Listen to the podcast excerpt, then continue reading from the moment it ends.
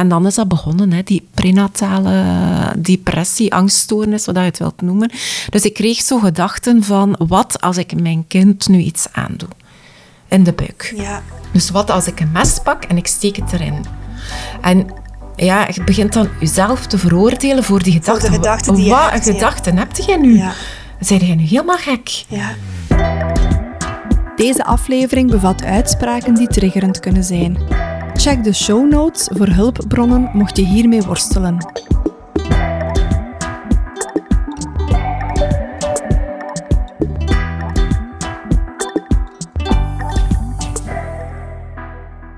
Ik ben Ingeborg, ik ben ondertussen 50 jaar geworden.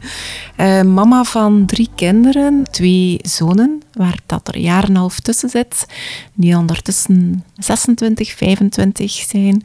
En dan nog een dochter van bijna 20. Oké. Ik werk als vroedvrouw en TZ, ehm, maar ik doe niet eh, verloskunde, dus doe meer studies en gynaecologische consultaties begeleiden.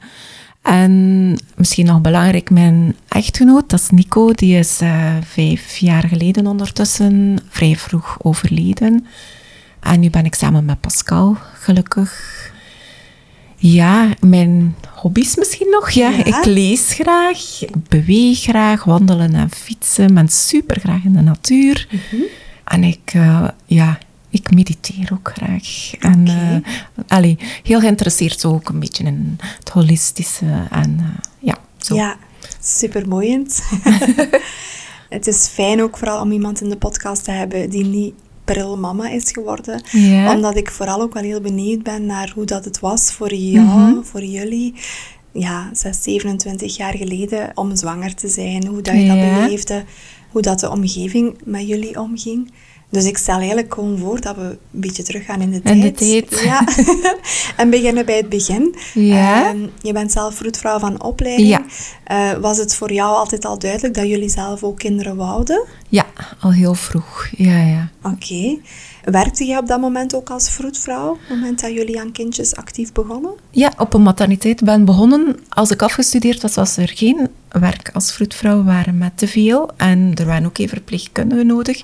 Dus ik heb eigenlijk eh, werkloos geweest. Ja. En dan begonnen in een rusthuis. Oké. En dan na drie maanden zo door kunnen schakelen naar eh, materniteit. Oké. Verloskamer, ja. Weet jij nog het moment dat jullie beslisten om aan kinderen te beginnen? Goh, dat is eigenlijk al begonnen voordat we getrouwd waren. Omdat we alle twee wisten dat we problemen gingen hebben om zwanger te worden.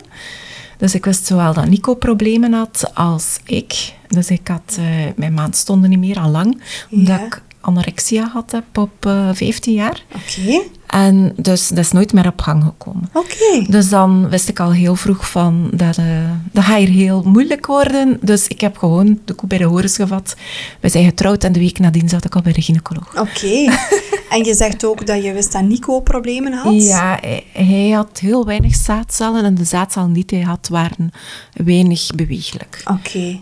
En was er iets mogelijk Ja, van dus eh, behandeling? wij, wij zijn dan alle twee natuurlijk moeten onderzocht worden. En bij mij was het zo dat door die anorexia het gewoon het hormonaal systeem helemaal uit, ja, zo goed als plat lag. Dus eh dan zijn wij direct in een traject gestapt eh, met kunstmatige inseminatie.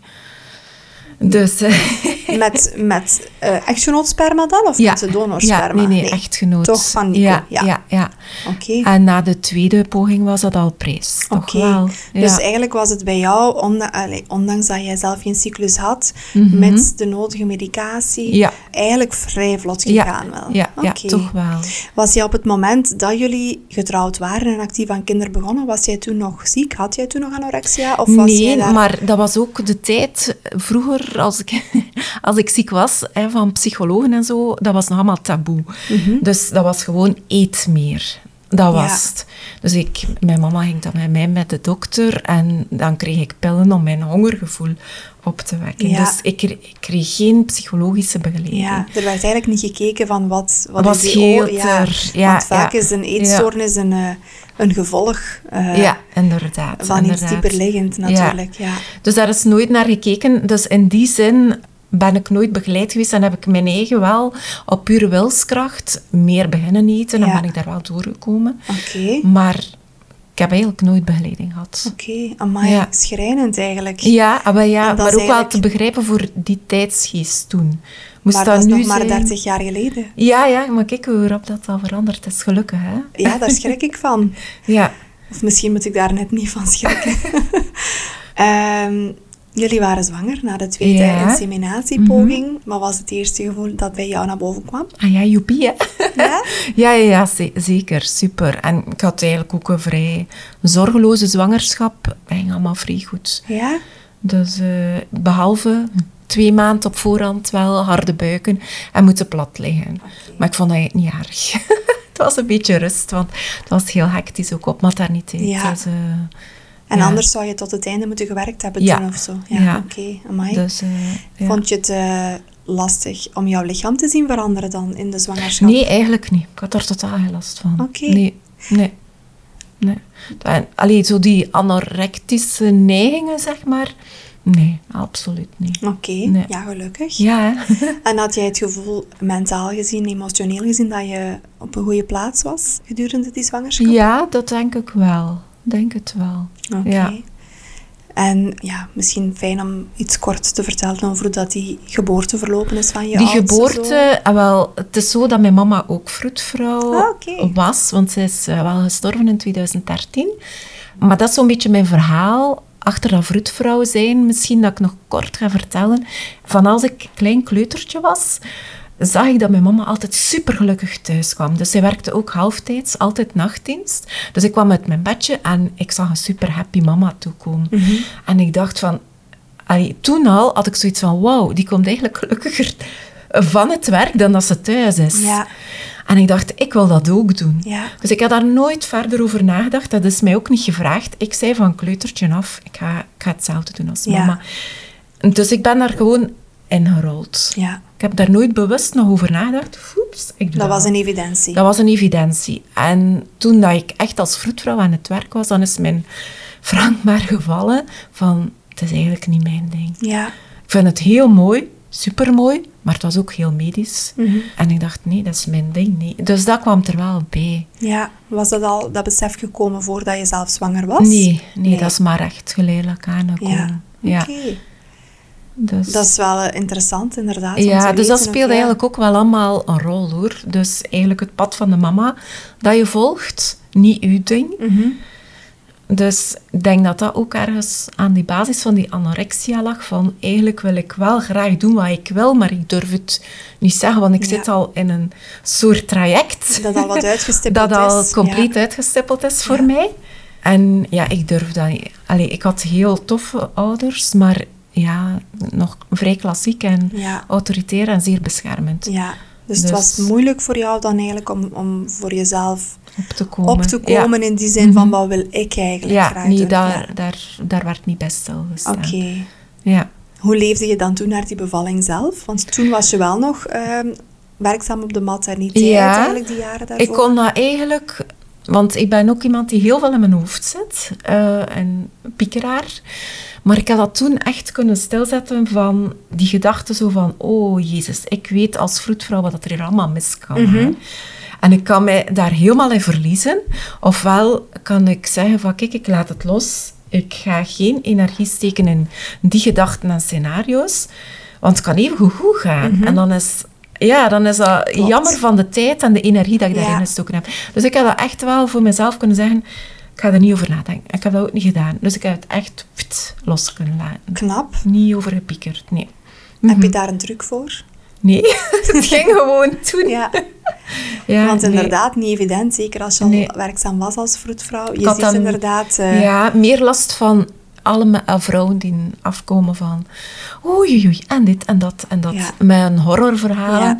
dan dat de horror in mijn hoofd zat. Ja, Nee. oké. Ja. Was dat iets wat jij ook durfde af te blokken als mensen afkwamen of de nood voelden om hun eh, ervaringen te delen? Nee. En als je daar nu op terugkijkt, zouden daar eh, Nu anders wel, op nu reageren? wel. Ja, nu tuurlijk wel. Ja. Ja, ja. Want dat is inderdaad wel iets eigen. Dat is nog altijd momenteel wel zo. Hè? Ja. Eh, als iemand zwanger is, Ja, dan komen is- mensen met de horrorverhalen Ja. van hun eigen bevalling. absoluut. Ja. Dat is vaak zo'n vrijgeleide van... eh, Ja. is jammer, hè? Ja?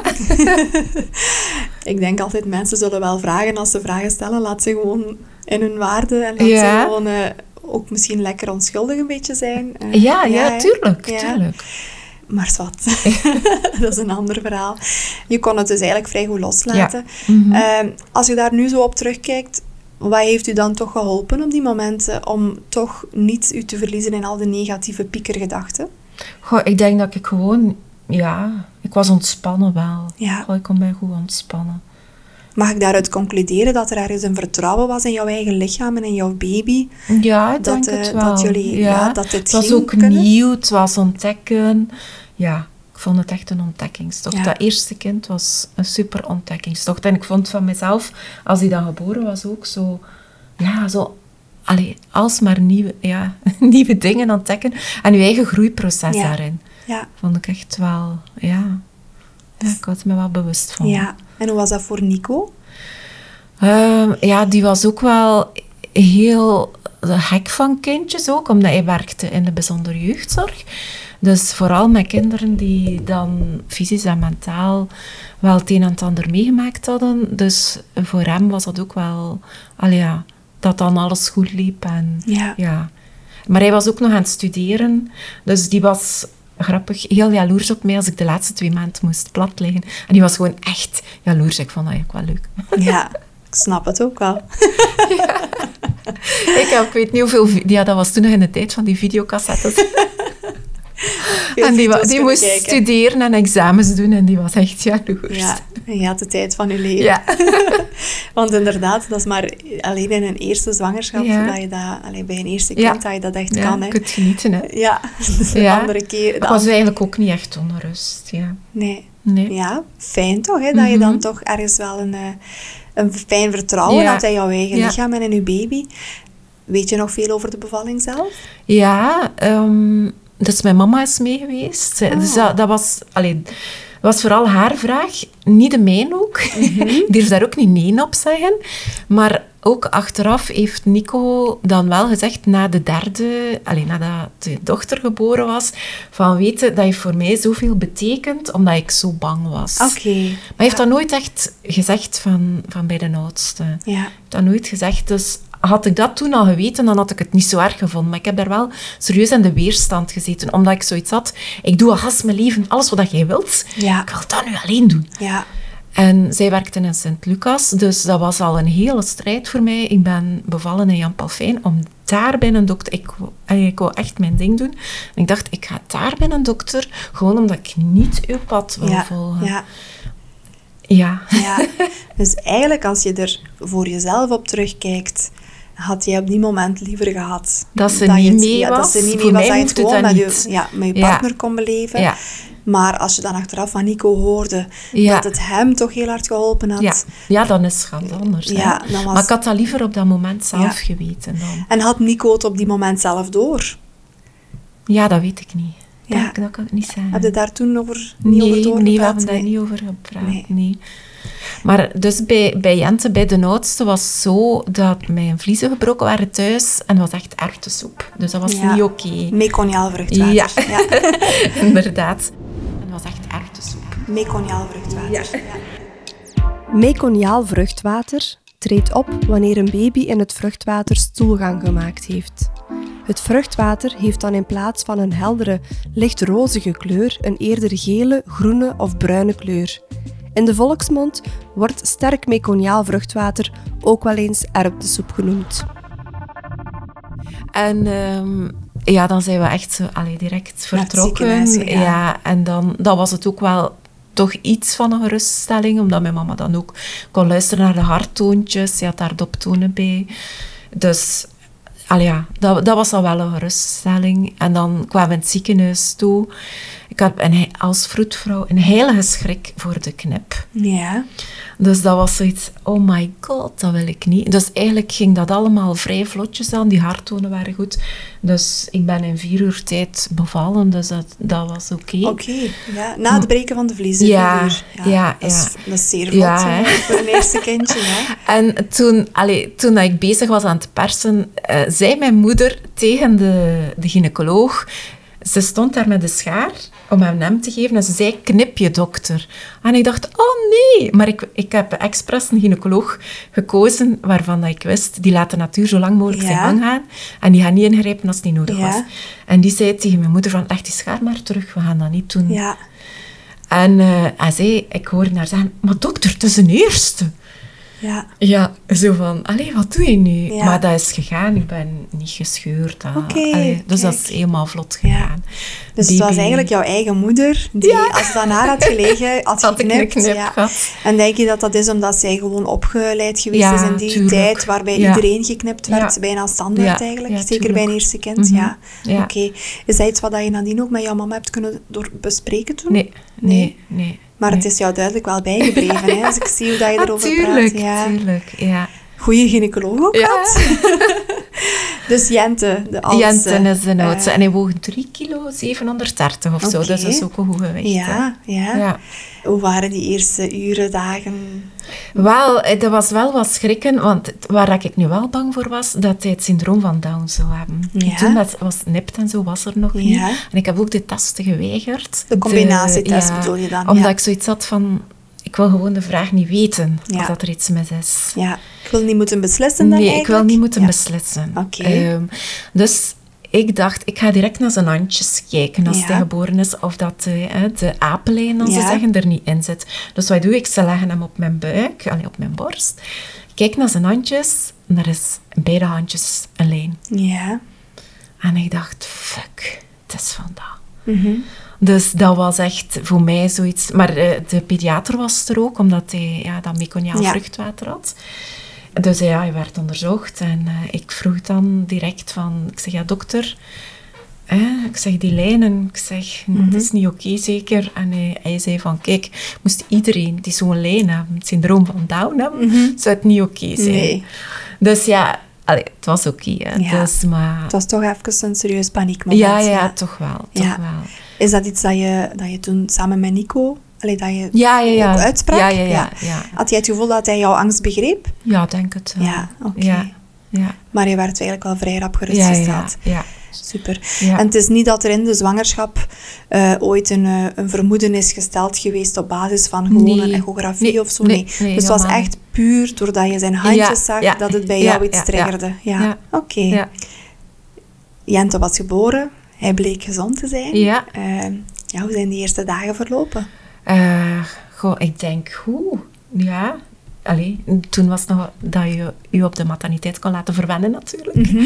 Was nog, allee, je, mocht ook vijf dagen blijven. En ja, nee, was allemaal oké. Ik kan Ja. mij er niets bijzonders eh, over herinneren. Het was, nee, het was oké. En mocht Nico bij jou zijn toen? Of moest Ja. hij naar huis? Nee, die moest wel naar huis. hè. Ja, maar hij mocht overdag wel- Ja, ja, ja. Wel ja. altijd bij jou zijn? Oké. Ja. En je bent vijf dagen in het ziekenhuis gebleven, hè? Kreeg je dan opvolging thuis nadien van een vroedvrouw? Of, Nee. die- of nam jouw Nee, mama dat eh, voor zich? Nee, nee, helemaal niet. Ook niet, Nee. nee. En heb je het gevoel dat jouw mama er extra veel is geweest die eerste Nee, ook periode? niet. Ook niet. Baby was eruit en het probleem was opgelost, om het zo te zeggen. Oh, probleem. Nee, nee, maar in haar ogen het Ja. zo van, oké, eh, het is... Het is is veilig geland. is veilig Ja. geland. eh, Nu oké. is het oké. Die borstvoeding gaat goed, ze trekt daar een plan, Ja, oké. Ja. En hadden jullie speciale voorbereiding gedaan voor de bevalling? Ik zeg maar iets vooral voor Nico dan, hè, van borstvoeding, wat houdt dat in? Of arbeidbevalling, wat kunnen we verwachten? ja, we hebben dat wel... al, eh, we zijn samen ook naar die infoavonden geweest. ja. En ja, Want ja, als hij niet... eh, boekjes. ja. ja. toen was dat nog niet hè, met internet en Nee. zo. Nee, nee, we hadden allemaal boekjes en eh, we volgden dat echt zo op, weekje per weekje. Ja. Zo. ja dat was wel tof. Herinner jij je nog veel van de eh, kraamperiode, de eerste maanden thuis? Goh, ik vond dat echt een pure ontdekkingsreis. Ja, echt hoe dat je zelf als mama verandert, dingen bijleert. Het was ook zo, ik werkte interim, dus ik zat weer op werkloosheid dan. En na drie maanden, ja, daar is mijn mama weer. Vond zij dat ik weer aan het werk moest. Dus ja, en er was bij haar in het ziekenhuis een vacature, dus eh, dan ben ik daar beginnen werken. Maar dat is waarschijnlijk te vroeg geweest. Want dan herinner ik me wel dipjes. Omdat ik, oh, ik, ik, was, ja, ik had ook een onredelijke, irreële angst voor wiegedood. Ja. Dus hij is daar ook op getest geweest. Maar toch ben ik s'nachts heel veel, alhoewel dat, dat kind heel goed sliep, maar hij sliep op zijn buik. Ja. Kon niet slapen op zijn rug. Ja. Dus hij sliep op zijn buik. Dus ik heb daar heel lang s'nachts uren naast gezeten, gewoon om, Om te, te kijken ja. of dat hij bleef ademen. Ja. Waardoor ik natuurlijk wel vermoeid was. En die irreële angst, zoals je het zelf omschrijft, was die er eigenlijk vanaf het moment dat hij geboren was? Of is hij Nee, dat dat is maar na- gegroeid. Ook omdat hij het op zijn buikje sliep. Ja. Omdat ik, ik zelf denk aan wat ik altijd mijn mama hoor zeggen. Vroeger moesten wij op onze buik Ja. slapen. En dat is niet zo heel veel langer Ja, geleden. ja. Dus dat gaat net de periode geweest zijn dat het advies is... eh, Ja, gekanteld. ja, ja. gekanteld van alle baby's moeten op de rug slapen. Ja. Oké. Maar dat kind sliep, ja, dat waren die knietjes opgetrokken, zo, poepken in de lucht. En ja, die ligt nu nog altijd zo te slapen, om het zo te zeggen. Ja. Ja. En wat hielp jou erdoor die eerste maanden na de geboorte van Jente? Om, ja, Goh, maar toen, allee, toen ik nog thuis was, ja, dan kon overdag wel een beetje bijrusten. Ik heb Ja. ook gedaan. Heel veel gewandeld en zo. ja. Ja. En als je terug aan het werk ging? Het was een halftijd, dus daar heb ik wel op gestaan. Maar ik vond dat wel een moeilijke periode zo. Hij moest dan ook naar de kribbe. Ehm, daar waren zoveel babytjes. Hij, wij hadden eigenlijk een onthaalmama, maar daar kon hij nog niet bij. Dus we moesten die drie, ma- ja. drie maanden of twee maanden overbruggen. En ik kwam dan een keer ja, op een moment om hem naar de kribbe en daar lagen zoveel baby's. En ze zeiden, ja, gaan haal dat maar. Maar er waren zo allemaal zo kamertjes met een bedje in. En er lag een baby heel hard te huilen. En ik, ik wist niet meer of dat mijn baby was, omdat er zoveel... Ik herkende hem gelijk niet meer. Ja. En dat was ook een super angst. Ik voel dat nog altijd in mijn buik van, ik weet niet meer wie mijn baby is. Ze hebben allemaal dezelfde kleertjes aan. Ja. Allemaal hetzelfde bedje, allemaal hetzelfde... Zo, hè, zo'n... eh, Slaapzakje? Slaapzakje. Dekentje? Ja. Ik weet niet meer wie dat is. Ja. En dat vond ik zo erg. Ja, En wat heb je toen gedaan? ja ik, ik heb dat al wel verteld ook. Maar ja, dat was zoiets... Ik vond dat heel raar van mezelf. Ja. Ja. En heeft er iemand jou even kunnen helpen? Nee, Geruststellen? nee. nee. Nee, ik heb daar wel nog lang mee gezeten. Zo. Ja. Ja.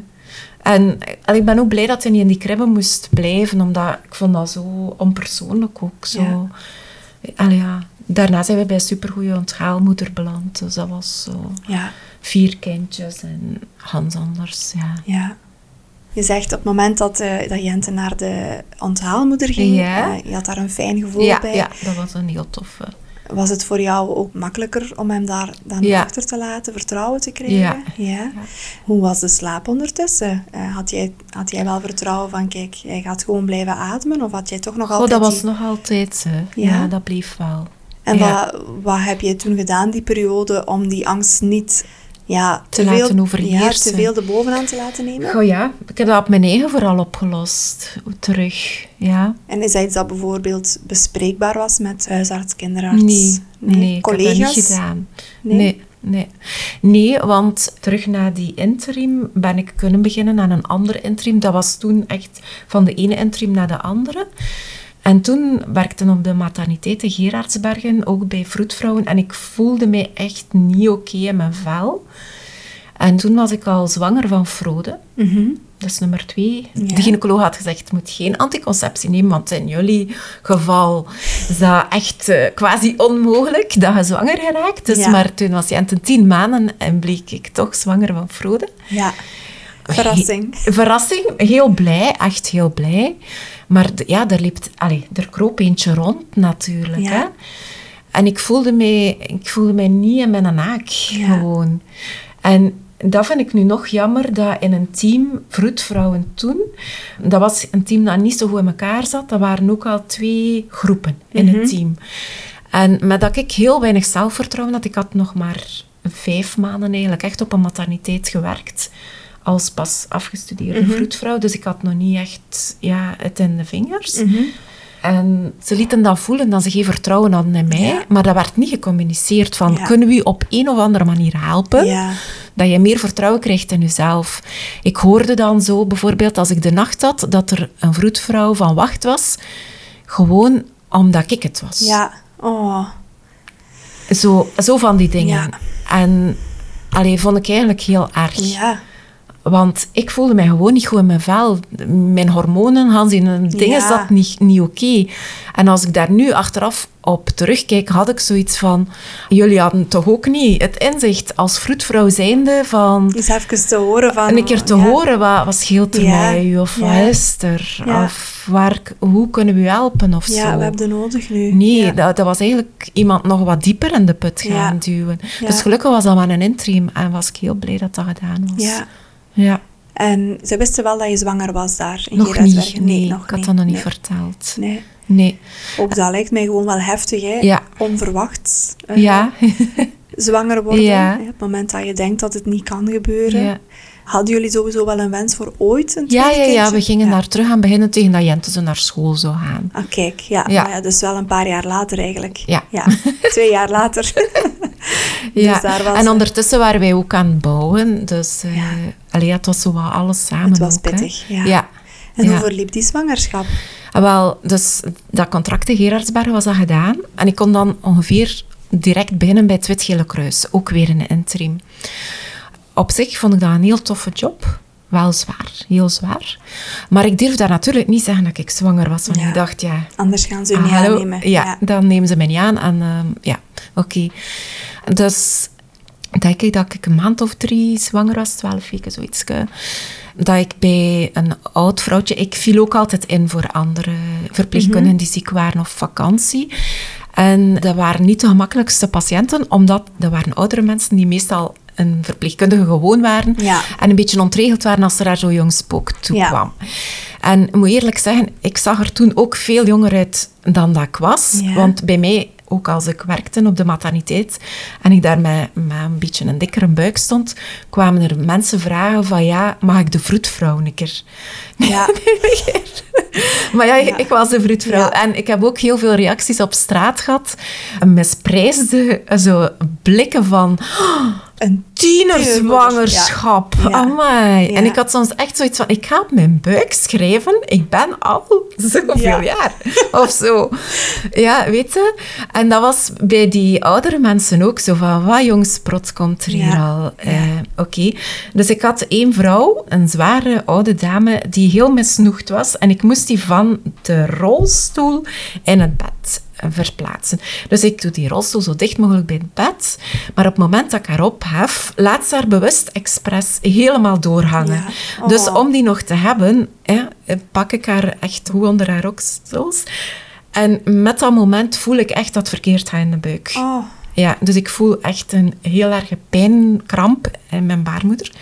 Dus ik was zo boos op die mevrouw. Ik heb geroepen van, ze lag wel in haar bed. Ik ben zwanger en het, is- het gaat hier mis. En ik heb ze gewoon toegedekt. Ik ben voortgelopen. Ik ben zo rap mogelijk een telefoon gezocht en gebeld naar de gynaecoloog of ik mocht afkomen. Ik mocht direct komen, gelukkig. En bleek dus inderdaad een groot stuk van de placenta losgekomen. Loslating. Ja. Dus ik denk, ik weet niet, ik denk dat ik 12 of 14 weken of zoiets was.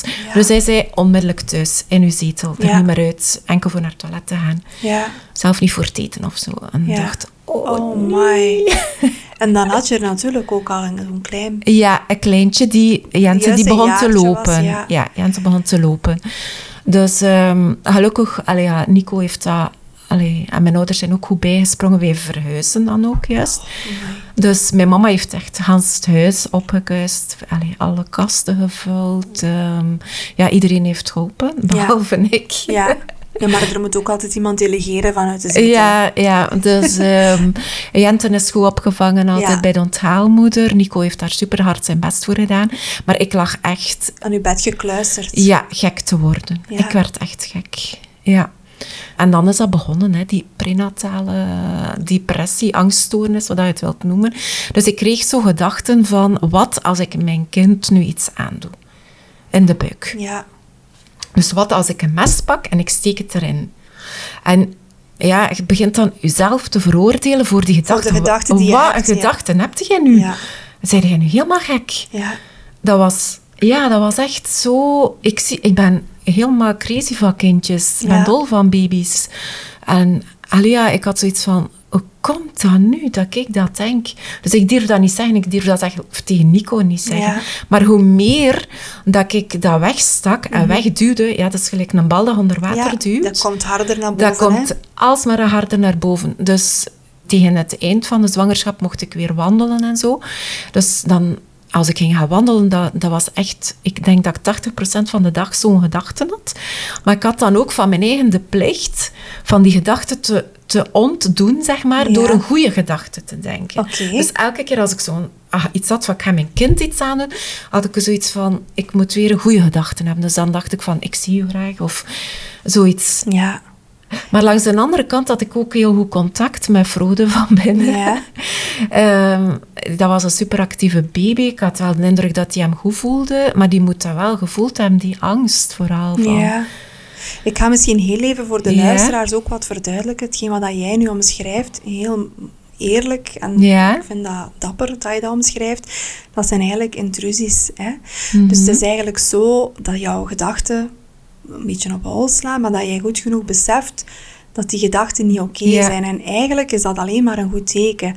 Dat wil Mhm. eigenlijk zeggen, doordat jij zelf ja, beschaamd was of verdrietig vond dat je die gedachten had. Eigenlijk is dat net wel geruststellend om te weten, van, dat wil zeggen dat jij niet effectief stappen gaat ondernemen om die gedachten ook uit te voeren. Het is maar op het moment dat je die gedachten hebt en dat je ook denkt, ah ja, dat is inderdaad, dat lijkt een goed plan, dan Ja. is het wel echt iets waar we ons als zorgverlener of als buitenstaander heel erg zorgen in moeten maken. Ja. Ik wou dat juist even verduidelijken Ja. voor de... ehm, Had ik dat toen gehoord? voor de luisteraars, ja. Maar ik kan me voorstellen als je er helemaal alleen mee zit, als je het zelfs niet kan delen met de partner, zorgverlener, Nee. dat moet heel heftig geweest zijn. Ja. Dit is nog een aanvulling op de intrusies. Ongeveer 90% van de mensen heeft af en toe intrusies. Het zijn ongewenste gedachten over bijvoorbeeld geweld, de dood of ze hebben een seksuele ondertoon. Wat deze gedachte nu exact veroorzaakt, is nog niet geweten. Wanneer intrusieve gedachten frequent of dwingend voorkomen, kunnen ze ook een symptoom zijn van een onderliggende psychische aandoening, zoals bijvoorbeeld een angststoornis, een posttraumatische stressstoornis enzovoort. Ik heb dat echt aan niemand, niemand verteld, behalve ja, zo een paar dagen voordat ik moest bevallen. Dan heb ik het tegen Nico gezegd. Ik heb gezegd van, kijk, er is iets aan de hand. Dan heb ik het aan mama verteld. En ik zeg, ik weet niet wat, wat dat is. Pakt nu, als ik beval en ik krijg zo'n psychose, dat je weet wat er aan de hand is. Ja. En toen zei hij van, maar jongens, toch, waarom heb je mij dat lied niet vroeger Ja. verteld? Die Ja. was zo begripvol Ja, zo lief. En zegt hij, kom, we gaan bij mama en uw papa en we gaan dat gewoon vertellen dat je dat hebt. Dus ik, ben dat, dat, ik heb dat dan ook verteld. En dat was echt wel een hele opluchting. en hoe reageerden zij? Ook oké. Ja, was dit iets wat dat jouw mama bijvoorbeeld kon normaliseren in die zin dat zij dat al professioneel gezien ook had gehoord van andere zwangeren? Dat kan Of ik dat me nu niet specifiek herinneren. Nee. Mijn mama was wel... Ze was een supergoeie vroedvrouw op technisch gebied. Maar op zo'n dingen... mm, dat denk ik niet. Oké. Ja. En die, ja, die, bijna die hele zwangerschap dat je eigenlijk ja, plat lag, Ja. thuis lag, heeft er ooit eens een gynaecoloog, huisarts, Ja. geen idee wie er in jouw netwerk allemaal eh, aanwezig was toen, gevraagd aan jou dat het ging met jou? Niet fysiek, maar mentaal? Nee, nee, Nee? dat werd toen niet bij stilstaan. Alle aandacht ging eigenlijk Naar naar, die baby. Naar die baby, de zwangerschap. eh, is dat nog oké? Ja. En was dat wel iets wat je op dat moment eigenlijk graag had gehad? Waarschijnlijk wel, ja. Ja. Je weet niet wat er met jezelf aan de hand is. Hè? Ja. Ik was enorm bang om dat toch te doen. Ja, Ja, maar ja, klinkt heel heftig inderdaad. ja. ja. Het, is ook niet, het was ook niet iets dat we herkenden van, dat we zouden gezien hebben in onze opleiding of zo. Ja, want dat wou ik net vragen. Had jij er ooit over Nee, geleerd? nooit, Nee. never. En ook ja, het internet bestond toen ook nog niet. Ja, dus je kon geen herkenbare Ja, verhalen... eh, nu zou je kunnen inderdaad opzoeken en zien van... "Oh, Ik ben niet alleen, Ik ben ja. niet abnormaal. Ja, Ja. en daar bestaat begeleiding voor. Ja. Vooral dat ook. Ja. Mhm. En kan je nog veel herinneren van de geboorte van Frode Ja, zeker en vast. Dat was echt zot. Ehm, ja, Frode is... eh, ik lag in mijn bed. dat was ook s'nachts. Dus ehm, de twee jongens zijn s'nachts geboren. En ik voelde die echt zo onderaan, met, gelijk met zijn handjes of zijn voetjes, ik weet het niet wat dat was, friemelen. En ik dacht, die kruipt er hier gewoon zo uit. wat is die aan het doen? En in één keer, klak, die vliezen braken. En ik dacht, die heeft ze gewoon zelf gebroken, hè. Ja, echt waar. Dus ik ging naar beneden en Nico, er is altijd iemand geweest die een nachtvlinder, dus die bleef altijd op tot rond twee, drie uur s'nachts. Dus die zat nog beneden naar tv te kijken. En ik kwam naar beneden en ik zei, mijn vliezen zijn gebroken. En hij zei, oei, waar liggen ze? En ik was kwaad. Ik dacht, je bent nu al zo lang met een vroedvrouw samen, weet je nu nog niet hoe dat in elkaar zit eigenlijk. Dus ja, en uh, dus dan hebben we ook direct mijn mama gebeld. Was het vruchtwater nu wel helder? Ja. Geen op de was oké. Okay. Was oké. en hebben de vliezen nog gevonden? Nee. en dan hebben we mijn mama gebeld, dus die is direct afgekomen, maar dat was super mistig buiten. Dus je kon eigenlijk zelf ons overburen niet zien. Ja. Dus dan zijn wij, omdat dat zo super mistig was, voor alle veiligheid direct vertrokken. Mm Omdat mijn mama had ook toen ook gevoeld. En dat was wel iets van vier centimeter. Maar ik had eigenlijk niet echt twee. Maar ze zei ja, nee, het is een tweede. Dat, dat, dat, mm We gaan maar vertrekken. Dus we zijn vertrokken. En in de auto, waar dan niet straat uit, was dat ene wee storm. Ja. Ik was echt aan het doodgaan. Jouw lichaam had het weer heel rap opgepikt. Ja. ja. dus ik lag echt... Uh, allez, ik zei het, ik ga dood, ik ga dood, ik ga dood. En toen dat we aan de afrit Merelbeke waren, wij zijn van Wetteren, uh, zei ik van, ja, ik moet persen. Ja. En uh, dan zei mijn mama, zij zat van voor, ik zat achteraan. Zij zei, nee, geen sprake van. puffen ga je doen. En ik zei, maar nee, nee, zegt ze, je gaat niet de auto bevallen, gaat puffen. Oké, okay, gepuft dan. Ik luistert naar mijn mama. En dan zijn we nog de afrit van Jan Palfijn voorbij gereden, oh. omdat het zo mistig was. Uh, dat hoofd voelde ik echt zitten tussen mijn benen. Dus woef, spoed binnengereden. Maar uh, Ingeborg. maar ik wist mijn weg daar omdat ik een jaar um, stage gedaan had in Jan Palfijn. Dus ik met mijn moeder en Nico mee naar boven. Oeps. En het verloskwartier was dicht, maar toen konden daar gewoon nog binnen. Er was geen kat te zien. Dus alle lichten aangestoken. Maar echt met dat hoofd, dus allee, ja, zo tussen mijn benen. Dus zijn hoofd was echt al geboren? Nee, het was nog niet ah, geboren. Ik voelde het echt helemaal... Ja, het stond. En dat licht aangestoken, op verlosstoel gaan, gaan zitten eigenlijk. Gewoon die klein daaruit geperst. Hij was geboren. ja. Het is eenmaal gewoon... Ja, en... Uh, zonder enige assistentie. Zonder uh, enige assistentie. En uh, daar was Frode. Ja, ik denk dat we er 50 minuten nadat we thuis vertrokken waren. Ja. Wow. Dus, en toen kwam er in één keer een vroedvrouw binnen over haar toe. Wat is dat hier? een baby? dus ja, dat was Frode. Ja. Heel heftig. Wow. Ja. Is het nog altijd zo'n vlugge? Ja, bij alles, bij alles. Maar ja, dat is echt heel typisch. Vind ik heel, heel gelijkend. Hoe dat hij, uh, ik kon ook op tien maanden lopen. Hij had al koeken op drie maanden. Ik kon dat kind niet. Hij was zo boos omdat hij geen koek kreeg. En zijn broer wel. wel. Ja. Dus dat ik dacht van, ah wel, uw koek zulde nu hebben. Want je kunt het toch Lactose of gluten of niets en mandal. Hier heb je een lange vinger. En die had uh, met krot en mot op. En ik dacht, hoe kan dat nu? En dan voelde ik, en hij had al twee tanden. En hij was nog maar drie maanden. Dus ja, ik wil maar zeggen. De trend heeft zich voortgezet. Ja, ja, ja. Een vlugge jongen. Ja. Oké. Herinner jij je nog veel van die kraamperiode? Of ben je even rap naar huis gegaan als nee, je Nee, nee. De gynaecoloog zei, je mocht eigenlijk... Ja, je mocht je al naar huis gaan, gewoon. Maar ik dacht, nee, ik ga mijn rust nemen. Want ik dacht, met alles wat ik hier meegemaakt heb mm tijdens die zwangerschap, dat dan ook aan de gynaecoloog verteld. En ja, die zei ook van, ja, oké, blijf dan maar. En toen voelde ik wel, die borstvoeding, dat ging ook allemaal mm goed. Mijn vrouw ook allemaal oké. Maar toen dat ik thuis kwam, begon dat toch wel echt weer zo mijn gemoed heel erg te zakken. Die gedachten kwamen terug. Dus, en je had, eh, die je had gedeeld met jouw gynaecoloog dat je zo'n gedachten had gehad in de zwangerschap, hè? Ja. ja. En hoe reageerde die daarop? Goh, ja, ik meen me te herinneren dat hij zei van ja, als er iets is, moet je altijd, allez, moet altijd komen. Dus, en dan verergerde dat, dat wel effectief. Dus dat was in het weekend dat ik me heel slecht voelde. Want ik was al thuis. Dat ik dat gebeld had en dat hij zei, ja, kom maar af. Dus dat was eigenlijk in het weekend. En dan... eh, zei hij van ja, oké, we gaan antidepressiva voorschrijven. En hij had Prozac voorgeschreven, maar ik kende dat toen ook totaal niet. En hij zei, neem er maar van eens een keer twee. Dus ik had er twee genomen als ik thuis was, maar dan ben ik zo gek geworden in mijn hoofd van, ja, wie schrijft er nu ook twee keer Prozac Ja. voor? Dus dat ik voor een trap stond en dat ik dacht, nu ga ik gewoon springen. Maar ja, dat waren zo waanbeelden Ja. dat ik echt kreeg. Ik kreeg echt heel gekke waanbeelden. En mag ik juist even vragen, hoe, hoe oud was Frode toen? Oh, nog maar een week of twee of zo. Ja. Ja. Ja. Nico was op de hoogte toen Ja. van de gedachten die je toen... Je hebt het toen ja. wel uitgesproken, Ja. gedeeld. Ja, ja, ja, ja. ja. Dus eh, ja, toen zijn wij wel verder gegaan zelf. Maar er moest een tijdje voor wachten als een psychiater. Ja. En ehm, zij heeft mij dan omgeschakeld naar een ander antidepressivum.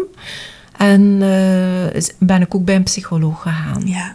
Maar het heeft even geduurd en dat ik een psycholoog vond dat zo matchte. Ja. En vanaf dan is dat echt wel beginnen beteren. Oké. Toch wel. En je kreeg ook echt wel dus begeleiding bij een psycholoog en Ja. een psychiater dan. Ja. Ja. Konden zij jou wat meer uitleg geven? Konden Ik heb zij- eigenlijk weinig uitleg gehad. Zij zei gewoon dat zij ook een opnamecentrum hadden. Maar dat zat vol.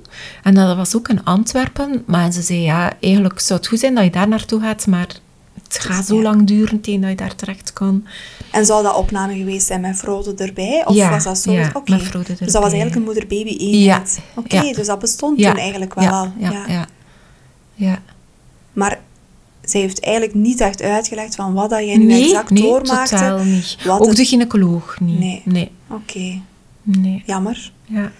Wat heeft jou buiten de therapie van de, de psychiater-psycholoog geholpen om die periode... Oh, ik denk, de Nico was wel een grote steun. Ik kon dat altijd tegen hem vertellen. Oké, En die heeft me nooit of nooit veroordeeld. Nooit.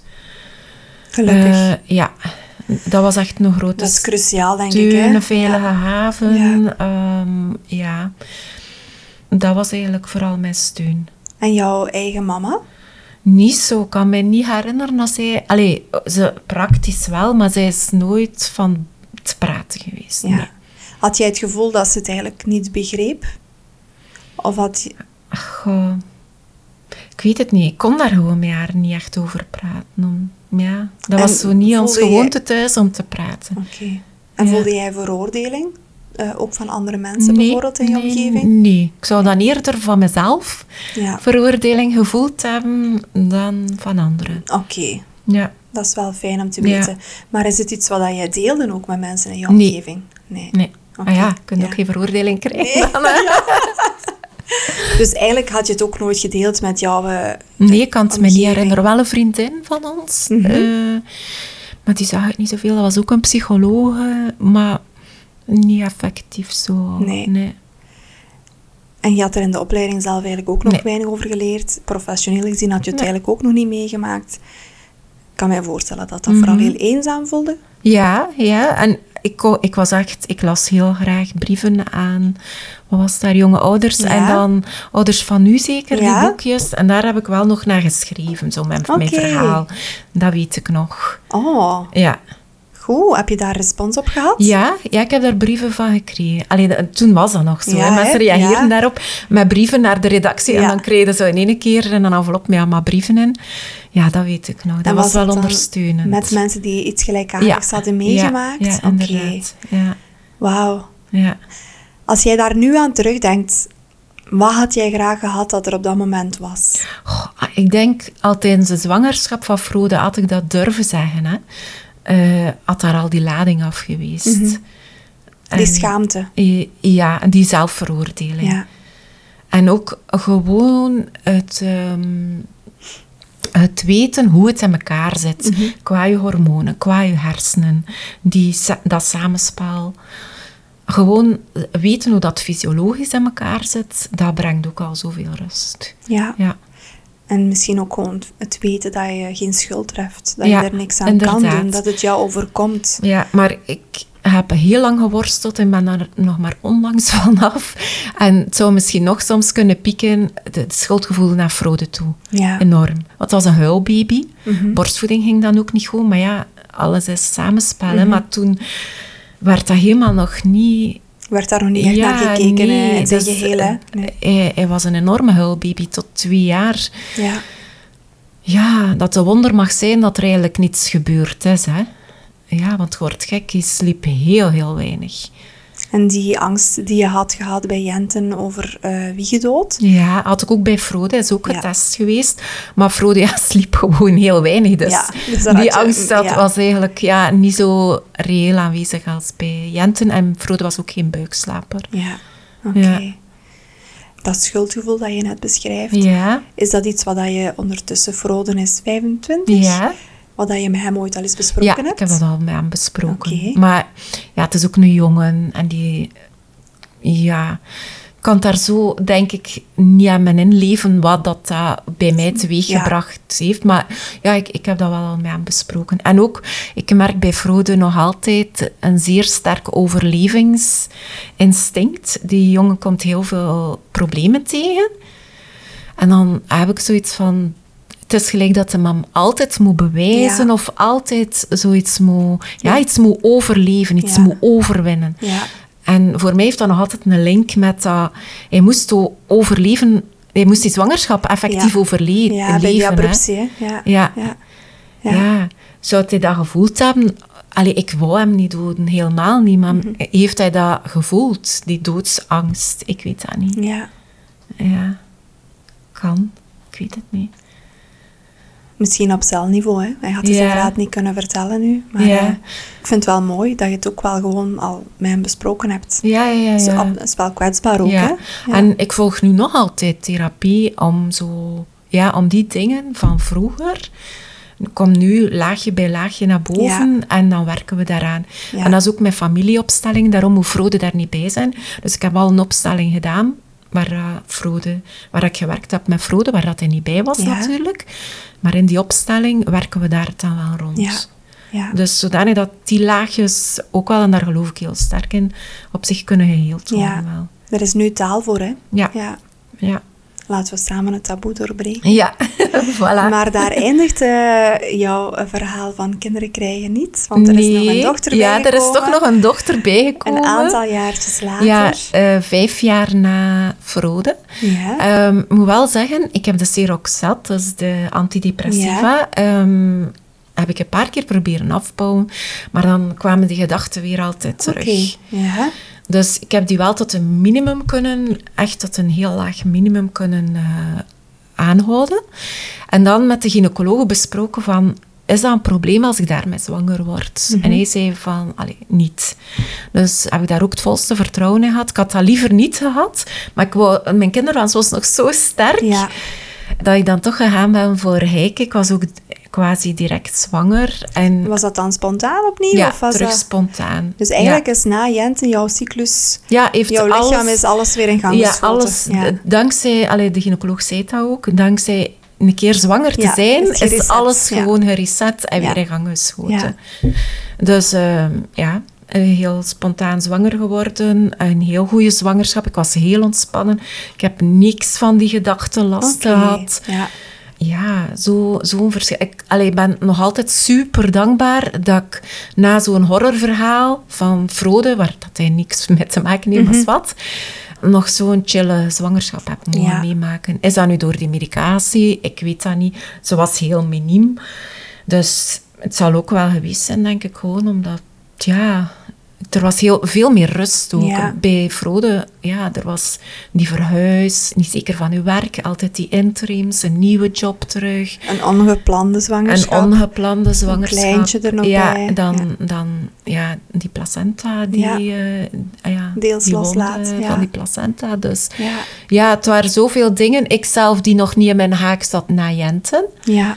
Ja, want ik had wel zo, ik weet dat ik, ja, nog een keer zo'n, heb het zo ene keer gedacht, wat, als Jente nog geboren was, van wat als ik dat kind nu iets aandoe? En Mhm. dan had ik zoiets van, allee, wat denk je nu? En vloep, dat was weg. Ja. Ik ben er niet meer verder op ingegaan. Het is pas als ik zwanger was van Frode dat dat weer begon. Ja, maar dan veel heftiger en veel heftiger, frequenter. Ja. En dus bij Heike heb ik daar echt geen last van gehad. Geen last van gehad, Nee, nee. en ook eigenlijk niet veel angst daarvoor. Want als dat nu vertelt, zeggen mensen soms van... Hoe haalde het in je hoofd om nog een derde na Mhm. zoiets? Werd je daar dan niet bang van? Nee. Nee. nee. En Nico? Denk het niet. We hebben er eigenlijk heel weinig over gepraat. Nee. Hij zag ook wel dat ik mij goed voelde, denk ik. Gewoon. Ja. Plus Frode was op dat moment vijf jaar. Ja. ja er was Ja. al wel wat tijd over Ja. gegaan. Ja. Was je al een aantal jaar mentaal gezien? Weer op rust. Ik had een vaste job. Ja. Die ik heel graag deed. Ja. Ik denk dat vooral er dat er rust gekomen was. Ja, ik denk dat er gewoon meer rust waren. Pas op, Jenten en Frode waren twee heel actieve jongens. Doordat Jenten dat zuurstoftekort wel gehad had tijdens de zwangerschap of geboorte, door Ja. dat meconiaal vruchtwater, heeft hij wel tot zijn nou, zes of acht jaar therapie moeten hebben, omdat er blijkbaar wel stukjes in de hersenen waren die hers allee, eh, zuurstoftekort gehad hadden, waardoor dat hij zo kine en Ja, allee, eh, extra ondersteuning en ja, validatie heeft moeten gehad. gehad. Allee, heeft hij moeten hebben. En Frode ook, omdat hij dan allee, getypeerd was als ADHD. Mhm. Maar dat was gewoon zo'n levenslustig kind, volgens mij. Dus het waren twee zeer, zeer, zeer actieve Ja. boys. Ja, dat wel. En toen kwam daar die derde zwangerschap. Ja, een chille zwangerschap, een chille bevalling en een chille heiken. Ja. Met de helm opgeboren. Oh. Zoals lui. En is dat nog altijd haar karakter? Laid back? soms? Dat is toch eigenlijk wel heel mooi, als je inderdaad ernaar kijkt. Dat Ja. een kindje geboren wordt, dat Ja. dat vaak al heel Ja, veel zegt over... zij is eh, vrij chill. Zij ziet wel hoe dat leven komt. Eh, nee, ja. Ja. Zalig. Met de helm op geboren. Misschien Ja. ook wel even interessant voor de luisteraars. Het is vrij zeldzaam. Eh, dat zijn kindjes die eigenlijk nog geboren worden volledig in een vruchtzak. Ja. Dus eh, geen gebroken vliezen op voorhand. Nee. En dat is vaak heel mooi als vroedvrouw om te kunnen aanschouwen. Dus, eh, en er wordt gezegd dat dat geluk brengt. Ah ja, oké. Ja, dat wist ik niet. Ja. Kijk, en ze is ook nog op een zondag geboren. Een Dus zondagskind kijk, voilà. met een helm op. en die postnatale periode? Ja, was ook oké. Ja? Niks van last had. Nee, Ook de- super borstvoeding. Ik heb tot vier jaar borstvoeding Ja, wauw. gegeven. Ja. En de angsten rondom wiegedood? Nee, ook niet. Ik heb haar zelf niet laten testen. Ja, Nee, kijk. hè. Wat een verschil, hè? Ja. Ja. Ja. ja, dat is waar. Ja. Frode was wel extreem jaloers op Heike. Extreem. Ja. Ja. En dat heeft heel lang geduurd. Tot nu soms nog. Ja. maar ja, dat was ook, Frode was een huilbaby. Die zat quasi altijd, ja, toen wa- was dat zo nog niet met die draagdoeken, altijd op mijn heup. Ja. En hij is nu kok en ik zeg dikwijls, hij is het gewoon geworden door op mijn heup te zitten. Ja. Ja. Die heeft tot, tot twee, drie jaar op mijn heup gezeten. Die wist al, als ik bechamelsaus maakte, van dat eerste Ja. bloem, dat, eh, eerst de boter, boter, dan, de bloem, dan, de, melk. melk. Die wist dat altijd en dan dat en dan. Dus ja, ja kijk. Dus, als je graag wil dat jouw kind kok wordt, zet hem in je zij. ja. Als je zo nu nadenkt over jouw eigen kinderen, die ondertussen ja, ook op een leeftijd komen waarop Mhm. ze mogelijk binnen dit en een aantal jaren zelf Ja. ouder gaan worden, welke tips zou jij hen willen meegeven? Of waar zou jij als mama en ervaringsdeskundige extra waakzaam voor zijn? Ja, om eerst te zorgen dat je zelf goed in je vel zit. Dus ik, allee, de therapie die ik nu volg, is ook, allee, misschien kort even schetsen. Dus Nico is overleden een paar jaar geleden. Was een heel heft, hij is ziek geweest drie jaar, dus was heel heftig. Waardoor ik, allee, ik heb goed voor hem gezorgd. Ik heb mijn gezin proberen redden. Dat is niet gelukt. hè. Allee, in die zin is gestorven. Ja. Maar toen zat ik zo diep dat ik terug in datzelfde patroon kwam van, van die angsten. Ja. Dat, dat was helemaal terug. Ja. Dus ik nam geen antidepressiva meer, daar was ik al lang vanaf. Maar allee, als je dan denkt van, hoe komt dat nu? Maar dat was ook pas achteraf dat ik dat gezien heb, van die angsten zijn daar terug. Ik had schrik van mijn kinderen weer iets aan te doen. Ja. En dat is gewoon zo een super verantwoordelijkheidsgevoel van, fuck, ik sta er hier helemaal alleen voor. Ja. Oké, ze zijn oud genoeg. Ik was dan wel nog maar 14, maar de jongens waren al ouder. Ze kunnen op zich een plan wel trekken, maar toch, hallo, ik sta hier helemaal alleen als ouder op de aarde. Jij zit daar van boven, om het zo te zeggen. die verantwoordelijkheid voelde zo verpletterend dat al die angsten naar boven terugkwamen. En ik dacht, ja, oké, ik heb al een pilletje gepakt in de tijd. Ik ben wel bij de psycholoog geweest en al, maar op zich is het worteltje er nog niet uit. Ja. En nu ben ik nog altijd aan het werken om die wortel, kan er uit, kan er niet uit, dat weet ik niet. Maar ja, af en toe heb ik daar wel nog last van, maar eh, ik kan het nu wel anders bekijken. Van oké, het is misschien een rugzakje dat bij mij is en het mag er zijn. En ik, ik heb het altijd proberen weg te doen. Ja. En nu heb ik zoiets van, oké, die angst is daar, oké. ik probeer de rugzak aan te doen en ik probeer ja. mijn weg verder te zetten. Ja, en hem niet te laten doorwegen eh, als die angsten daar zijn. En dan wil ik ook wel aan de mensen aangeven van als een angst of een verdriet of ik weet niet wat, slecht gevoel, hè, dat gevoel van, ah, ik, wil dat zo rap mogelijk weg, of ik ga dit of dat doen, of ik ga gaan lopen, of ik ga sporten, of ik ga mediteren zelf, of ik ga ademen, dat dat weggaat. Nee, laat het er gewoon zijn. Daar ben ik nu. En dat helpt mij zo van, oké, het is nu even shit. En ik voel me nu angstig en het is niet oké. En oké, het, is, het is er gewoon. Laat het. Ja, ik ga het gewoon even echt doorvoelen. Ja. Zodat het weer voorbij kan Van, gaan. ik zie het, angst, je zijt er, ik zie u. Mijn psycholoog zei ook, doe ze een, uh, zo een uh, aan. Ja. doe ze one aan, zet ze op uw schoot en laat het er even zijn. En dat is pittig hoor, want sommige dagen kan het echt dagen duren. Dat je denkt van, oh nee, ik zit weer aan zo'n dip. Maar, maar toch, het helpt u daar best mee uit. En dat zou ik zeggen, als je aan kinderen begint, het leven zelf is één ontwikkelingsfase. Mhm. Je gaat nooit 100% jezelf leren kennen, denk ik. Ja. Dus er gaat altijd wel iets zijn en er gaat altijd iets naar boven komen om aan te werken. Absoluut. Dat, dat is het leven, dat gaat zijn tot, tot aan onze dood. Maar als er zo toch dingen zijn, gelijk die anorexia, het konden eigenlijk wel al een klein beetje voorspellen, denk ik, dat dat tijdens de zwangerschap, een zeer gevoelige periode, wel de kop ging opsteken. Ja. Toch wel. Dus... Dat is ook de reden dat wij uh, in het ziekenhuis waar ik werk nu, ja. Uh, ja, actief screenen, ook op 16 weken naar... Uh, ook voorgeschiedenis, hè, zijn er zaken in de voorgeschiedenis. Is er ooit een eetstoornis geweest, bijvoorbeeld, omdat dat echt wel zaadjes kunnen zijn. Ja, dat zijn zaadjes. Uh, wij moeten dan extra waakzaam zijn. En ik denk inderdaad door de mensen te educeren en een beetje te normaliseren, dat het er kan bij horen mhm. en dat er inderdaad ook gepaste hulp voor bestaat, onder de vorm van begeleiding, therapie, ja. eventueel medicatie inderdaad als dat nodig is. Ik denk dat we daar al een grote stap zetten. Hè? Dus, uh, en ook ja, die veroordeling. Ik, ik ben iemand die heel natuurminded is. Dus die medicatie, ja, ik ga daar eerlijk in zijn. Ik neem dat nu nog, ben aan het afbouwen. Maar soms is het en en. Mhm. Weet je, mijn psycholoog zei ook, je hebt een stoel of een tafeltje met vier poten. Mhm. hè? Bijvoorbeeld, je hebt je gezonde voeding waar je aan houdt, je hebt je ontspanning. Je, hebt je therapie. Je hebt je therapie. En er is nog één pootje. Is dat medicatie? Dan is dat medicatie. Het is niet dat ik hier fladderhesterd zit of zo, of mhm, helemaal verdoofd loop. Helemaal niet. Dus dat is voor mij ook al een grote, zo van, oké, ik laat het toe om op dat gebied, het is, ik sta er niet 100% achter, maar toch ook om mij daar voor open te stellen nu dat het nodig is. zo door daarmee te laten helpen. Ja. ja. En ik ben daar niet beschaamd in om dat te zeggen van, uh, ja, nee, daar ben ik nu wel over. Ik vind dat heel krachtig, dat je zo eerlijk jouw verhaal deelt. Ja. Uh, wat hoop jij ja, voor jouw eigen dochter en mogelijk toekomstige schoondochters te zien als zij effectief zwanger zijn? Uh, van omgeving, van de zorg. Wel, ik vind het super dat er nu inderdaad die vragenlijsten zijn en de mogelijkheid tot gesprek. Ik hoop echt waar dat de mensen hun ook en vooral veilig gevoel, allez, een veilig gevoel hebben dat ze het mhm. kunnen delen, want dat is wel een heel essentieel en belangrijke factor. Als je je niet veilig voelt bij iemand, ga je dat niet delen. Nee.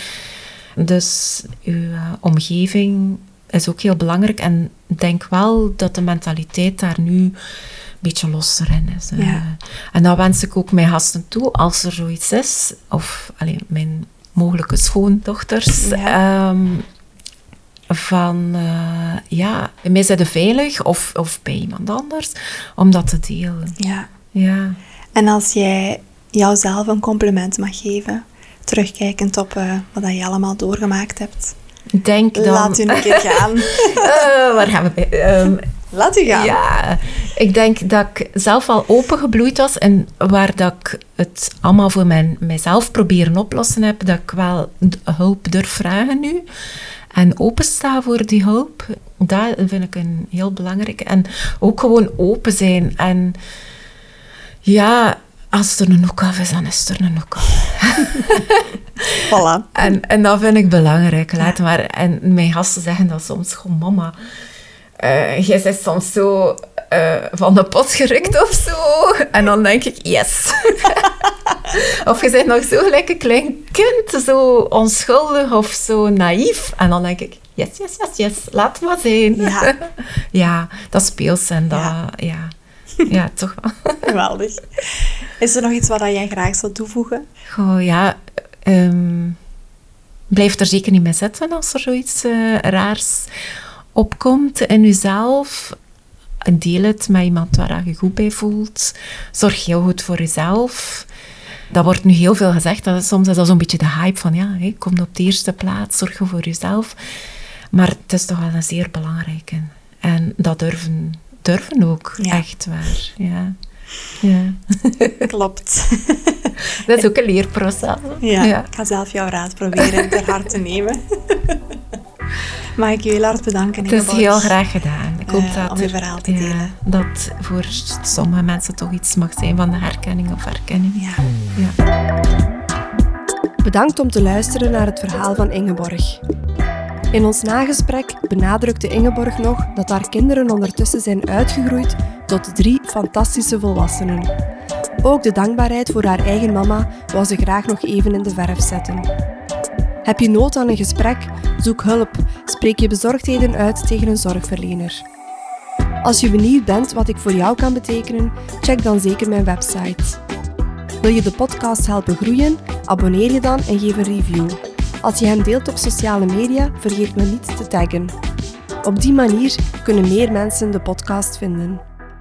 Je kan me terugvinden op Instagram via Buikgewoel. Bedankt om te luisteren.